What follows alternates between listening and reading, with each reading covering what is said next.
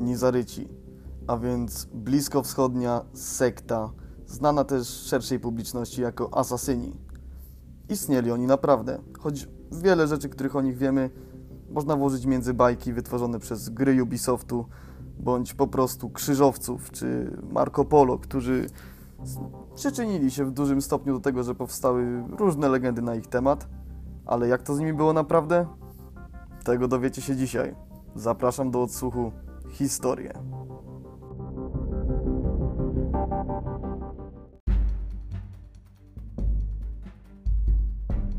Mamy rok 1094.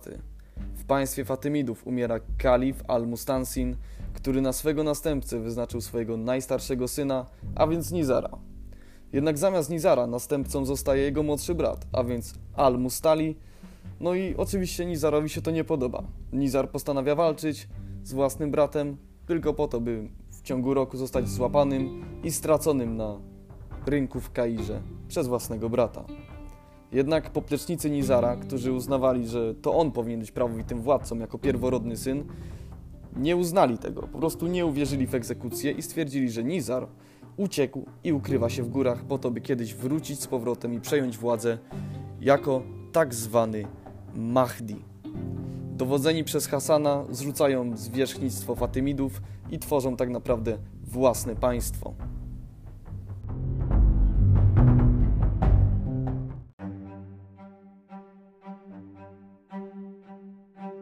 No i po zrzuceniu władztwa Fatymidów, Nizaryci skupili się na po prostu pokonaniu Seldżuków, którzy byli kolejnym, że tak powiem, dużym władztwem w tamtej okolicy. A do tego to chodziło też, że tak powiem, o narodowość, dlatego że Nizaryci no to byli jakby Persowie, no a Turcy oczywiście są, są Turkami, tak? Czyli jednak totalnie inny lud.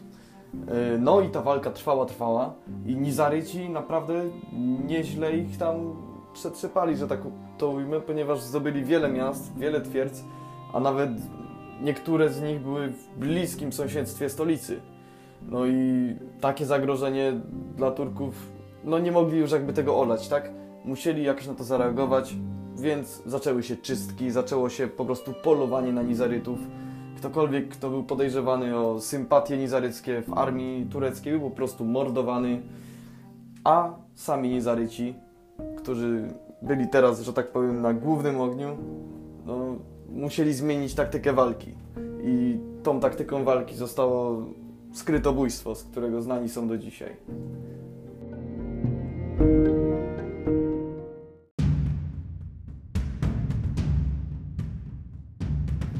Choć na początku Nizaryci mordowali, wiadomo, osoby z państwa Seldżuków, którzy byli ich początkowymi wrogami, to potem przestali się do nich ograniczać, ponieważ Seldżucy przestali stanowić jakiekolwiek zagrożenie i Nizaryci mordowali kogokolwiek, kto tylko im przeszkadzał, y, z jednym założeniem, że musi to być osoba znacząca, o wysokiej pozycji społecznej, co jeszcze bardziej ma zniszczyć morale wroga. Mieli asasyni własną bazę, a więc twierd, a właściwie łańcuch twierdz w górach w Iranie, tam jakby ilość twierdz pod ich władztwem się zmieniała, aczkolwiek była taka główna twierdza w Alamucie i stamtąd głównie organizowali oni swoje akcje. Y, Jeśli chodzi o metody zabójstw, to większość Nizarytów nie była jakby czysto skrytobójcami. Y, Zostawali nimi jedynie tak zwani fidai, którzy właśnie specjalizowali się w szpiegostwie i w morderstwach. Y, Z użyciem noża i była to, że tak powiem, metoda trochę na kamikadze, czyli y, po prostu wbiegasz do budynku, dźgasz ważną osobę i jak cię zabiją, to, to trudno. Y, Co też ma spory związek z tym, że praktykowali oni w swoich bazach specyficzny jakby rodzaj islamu i to był po prostu fanatyzm. Oni wierzyli, że gdy umrą, to po prostu zostaną zbawieni, przez co nie, nie mieli jakby specjalnych trudności z tym, żeby dokonywać skutecznych morderstw. Mm, Do tego byli znani również z zażywania haszyszu, skąd też wzięła się ich nazwa, jakby assassin się wzięło to haszaszin, yy, czyli po prostu takie pogardliwe określenie na kogoś, kto spożywa haszysz. I tą też nazwę przywiózł, że tak powiem, ze sobą Marco Polo do Europy.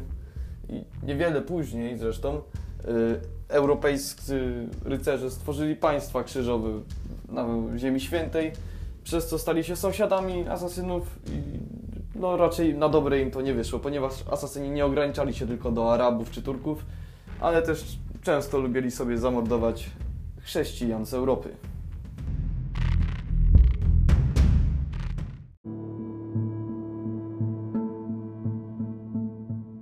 Asasyni zaczęli siać prawdziwy popłoch, eliminując najważniejsze postacie wszystkich państwach, które z nimi sąsiadowały. W tym m.in. zabili dwóch kalifów oraz nawet samego króla Jerozolimy i wielu, wielu innych pomniejszych władców muzułmańskich, jak i chrześcijańskich w regionie. Jeśli chodzi o legendy na ich temat, są zawsze przedstawiani jako bezwzględni zabójcy. I jest też jedna całkiem ciekawa historia dotycząca y, odwiedzin jednego z królów Jerozolimy w twierdzy y, asasynów właśnie, która była wtedy zarządzana przez wielkiego mistrza ich zakonu, a więc tak zwanego w Europie staruszka z gór. Król Jerozolimy przyszedł do twierdzy w Alamucie i ponieważ posiadał całkiem dużą armię, po prostu zaproponował, że tak to ujmę w cudzysłowie, y, staruszkowi, że ten ma mu płacić trybut, jako że po prostu król Jerozolimy armię ma większą, silniejszą i może go zniszczyć, więc może po prostu niech się dogadają. Na co jednak mistrz zakonu stwierdził, że wcale armia króla jerozolimskiego nie jest silniejsza od armii Nizarytów. A jako dowód powiedział, że zaraz pokaże mu, jak bardzo oddani potrafią być jego ludzie. Wziął króla jerozolimskiego na sam szczyt swojego zamku i przedstawił mu dwóch swoich asasynów. W pewnym momencie powiedział do pierwszego z nich: Skocz. Ten, stojąc na murach, powiedział: Bóg jest wielki, i po prostu skoczył na dół i rozbił się o skały. Następnie to samo zrobił drugi.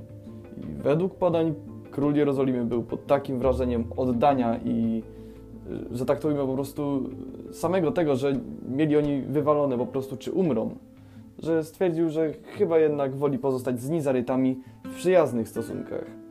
Jednak Nizaryci nie wybierali przyjaciół bądź wrogów, tylko cele do wyeliminowania, więc kto wie, być może lepiej byłoby, gdyby w tamtym momencie król jerozolimski rozprawił się z nimi raz i na dobre.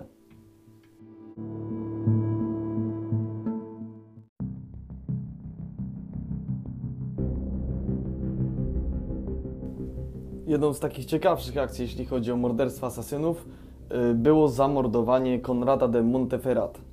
Y, jeśli chodzi o taki mały background, no to generalnie y, podczas krucjat głównie Francuzi, ale też inni monarchowie europejscy zakładali po prostu katolickie państwa krzyżowe na Ziemi Świętej, czyli na przykład było tam Księstwo Tyru, Królestwo Jerozolimy i tak dalej, i tak dalej. No i właśnie jeśli chodzi o Królestwo Jerozolimy, to mieliśmy tam królową Izabelę, której mąż zmarł i trzeba było wybrać dla niej jakiegoś męża.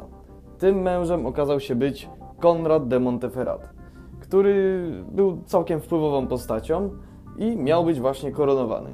Tak się jednak złożyło, że w momencie, w którym jechał on na swoją koronację, y, jego żona się spóźniła na koronację, dlatego musieli po prostu ją przełożyć i w międzyczasie Konrad udał się Y, do swojego przyjaciela, żeby po prostu zjeść i w momencie, w którym od niego wracał i udawał się na swoją koronację, został nagle zaatakowany przez dwójkę asasynów, którzy ugodzili go w brzuch i głowę za pomocą noża i niewiele potem, niewiele później Konrad zmarł. Y, w tym momencie wszyscy zastanawiali się, czy być może ktoś nie stoi za tym morderstwem, ponieważ wiadomo było, że Konrad i Ryszard Lwie Serce, który w tamtym czasie przebywał w Palestynie, nie za bardzo się lubią i mieli wiele sprzecznych interesów biorąc też pod uwagę sam fakt, że Konrad po prostu spiskował z Saladynem, czyli największym wrogiem Ryszarda, ale byli też inni podejrzani. Jednak Ryszard był powiedzmy tym głównym, w związku z czym napisał on rzekomo do starca z gór, który miał po prostu go uniewinnić, powiedzieć, że Nizaryci wcale nie przyjęli zlecenia od Ryszarda Lwie Serce. No i faktycznie list doszedł i w liście tym stwierdzono, że Konrad został zamordowany, ponieważ w trakcie, gdy pewien nizarycki statek szukał schronienia przed sztormem, Konrad przyjął ten statek, po czym zamordował kapitana i załogę. Jednak y, to, co się nie zgadza, y, to jest fakt, że starzec z gór, który rzekomo był nadawcą listu, już wtedy nie żył. Dlatego też do dziś nie wiadomo, kto tak naprawdę zlecił zabójstwo niedoszłego króla Jerozolimy Nizaryton.